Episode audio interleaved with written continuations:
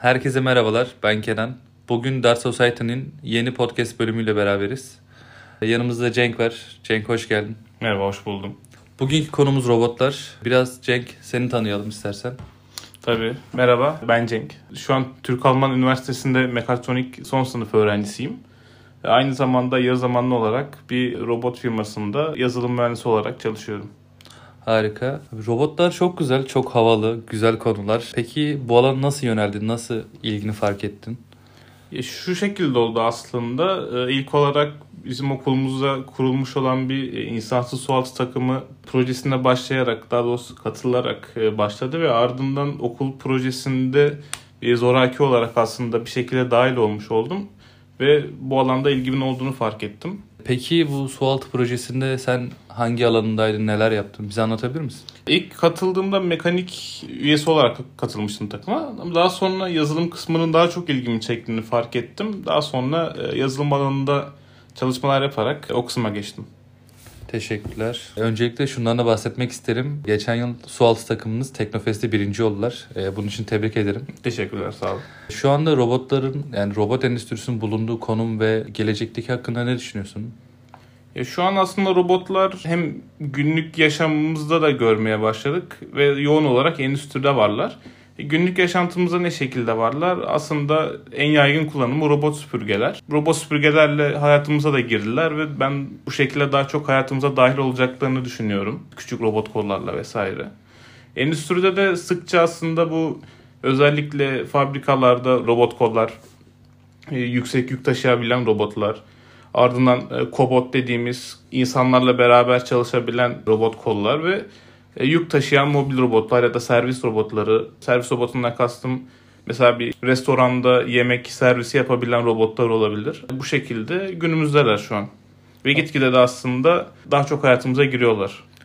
Peki robotlar bizlere bir şey yapar mı? Ele geçirebilir mi? Yani ya bunu sorma abi.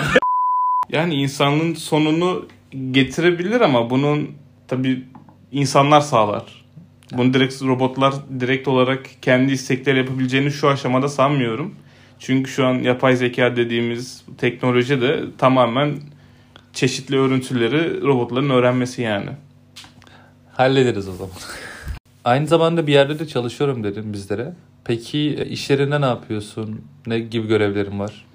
İş yerinde aslında iki şu ana kadar şu anda içine dahil oldum olmak üzere iki projede çalıştım. Bunların ilki bir insansız robot kol üzerine çalıştım. Bitirme tezimi de onunla beraber yazmıştım. Şu anda da aslında yük taşıyan mobil bir robot üzerine çalışıyoruz. Peki eğitim hayatında neler yaptın? Yani orada iş bulma fırsatını nasıl yakaladın? Aslında bahsettiğim gibi bu projede robotik alanda çalışmaya başladıktan sonra stajımı da bu şekilde aramaya başlamıştım. Bu şekilde buldum ve daha sonra da orada yarı zamanlı olarak çalışmaya başladım. Harika. Peki bu alana yönelmek isteyenlere yani üniversitede olup bu alana yönelmek isteyip çalışmak isteyenlere neler önerirsin? Yani şimdi öğrencilik hayatındayken bence bunun en güzel yöntemi ülkemizdeki bu Teknofest'teki yarışmalara katılarak ve bir proje geliştirerek bu alanda kendilerini geliştirebilirler. Onun dışında aslında robotik birçok farklı disiplinin e, bir araya geldiği bir ortam diyebiliriz. Yani içinde hem mekanik bölümü var, elektronik bölümü var, yazılım bölümü var, üretim kısmı var. Çok karmaşık bir ortam. Yani direkt ben robotik alana yönelmek istiyorum diyerek bu işe girilemeyebilir. Hani robotik alanında aslında biraz daha çok ne yapmak istiyorsun sorusuna cevap bulunması gerekiyor bence. Ona göre insanlar kendini yönlendirebilir. Evet normalde robotik alan denilince akla sadece yazılım geliyor. Yani yazılım kod yazarak bu alanda iş bulabilir misin gibi geliyor. Değil. Yani öyle geliyor aslında ama değil. Yani birçok mekanik kısmı var, elektronik kısmı da var dediğin gibi. Evet. Pekala sen e, kendin robotik alanında yazılım e, bölümündesin. Hangi yazılımı kullanıyorsun, ne biliyorsun? Bundan biraz bahseder misin? Şimdi bizim tabi robotik alanında kullandığımız en sık dillerden ikisi Python ve e, C++. Tabi bunları bir de e, ROS ile beraber kullanıyoruz. ROS ne diye sorarsanız Türkçesi robot işletim sistemi. Aslında tam bir işletim sistemi değil. Bir ara katman gibi düşünebilirsiniz. Sadece çeşitli yazılımların bir arada toplandığı bir ortam diyebiliriz aslında. Yani tabii robot yazılımında birçok farklı alan var. Motoru kontrol etmek de bir yazılım kısmı. Motorun kontrol kısmı olabilir. Robotun tabii robotunuz akıllıysa eğer robotun davranışlarını, kontrolünü ve e, yapay zekası olabilir. Robotta görüntü işleme tarafı olabilir.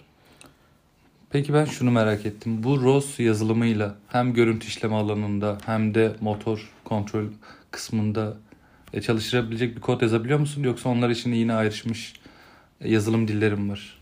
Aslında ROS bir yazılım dili de değil. Dediğim gibi işletim sistemi de değil. Sadece ekipçe ya da birçok farklı insanın yaptığını standartize edebileceğiniz bir ortam diyebiliriz. Yani istediğin her şeyi bir araya toplayabileceğin bir platform gibi düşünebilirsin.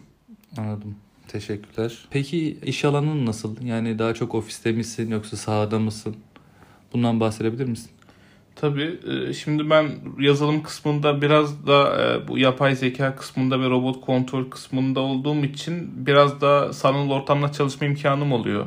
Mesela robotun tam robotla beraber çalışana kadar simülasyon ortamında ya da direkt kendi bilgisayarımda çalışma imkanım oluyor. O yüzden ofiste ya da uzaktan evimde rahatça çalışabiliyorum. E, ama mesela şu an artık son ürüne yaklaştıkça tabii robotla beraber çalışmam gerekiyor. Bu yüzden biraz daha aslında robotun yanında artık fabrika ortamında çalışıyorum diyebilirim. Teşekkürler. Peki hala bu robotik alanında ne kadar havalı da olsa birazcık da tehlikesi içerisinde bir alan. Ne gibi tehlikeler var bu alanda çalışmanın?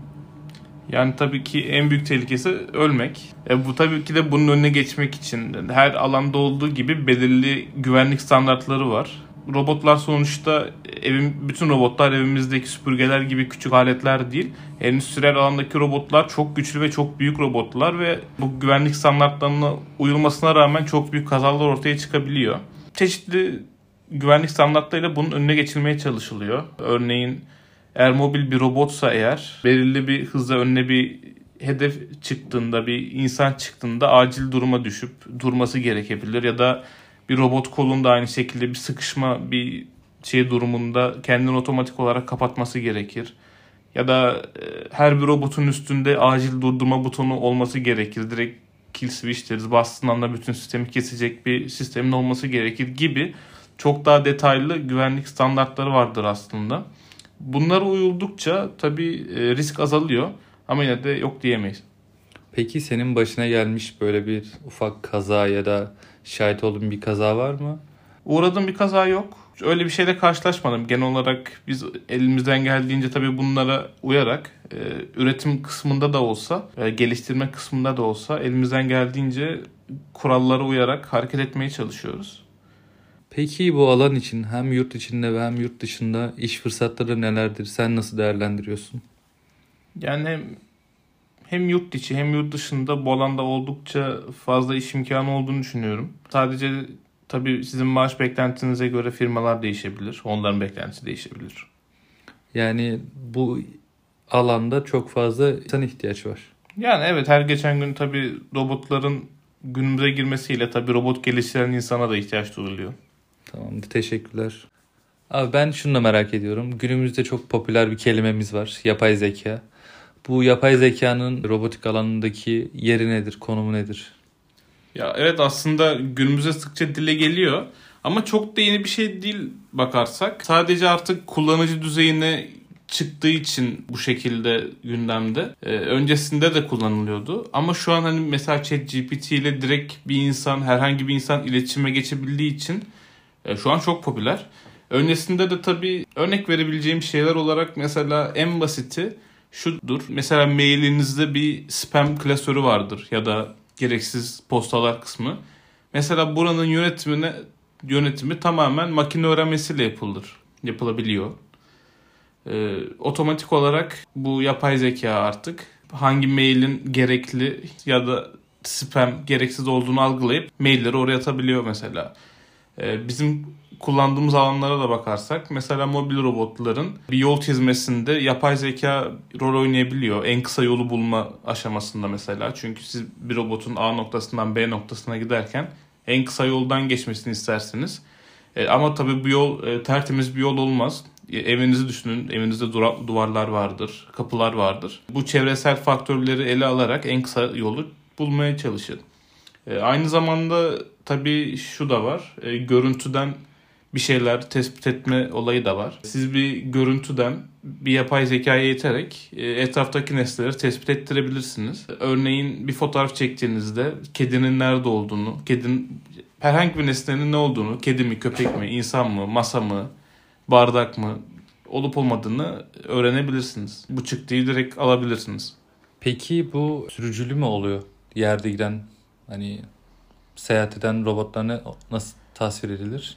Ee, insansız diyebiliriz. İnsansız robotlar, Otonom. Heh, otonom robotlar ilerlerken atıyorum bir kamera yardımıyla mı bilgi alıyor yoksa herhangi bir sensör? Şimdi tabii üstünde çok farklı sensörler olabilir. E, motorlarında encoder dediğimiz cihaz olabilir. Motorların dönmesini hesap eden, ölçen cihaz diyebilirim. E, kamera tabii ki de kullanılabiliyor. Genelde robotlarda endüstriyel alanda kullanılanlarda 3 e, boyutlu kameralar kullanılabiliyor. Robot çevresini, dünyasını görebilsin diye. Lidar dediğimiz üstünde e, lazerler bulunabiliyor. Çevresini 360 derece görebileceği gibi. Ya bu şekilde aslında aynı zamanda bunlar robot süpürgelerde de vardır e, bu lidarlar.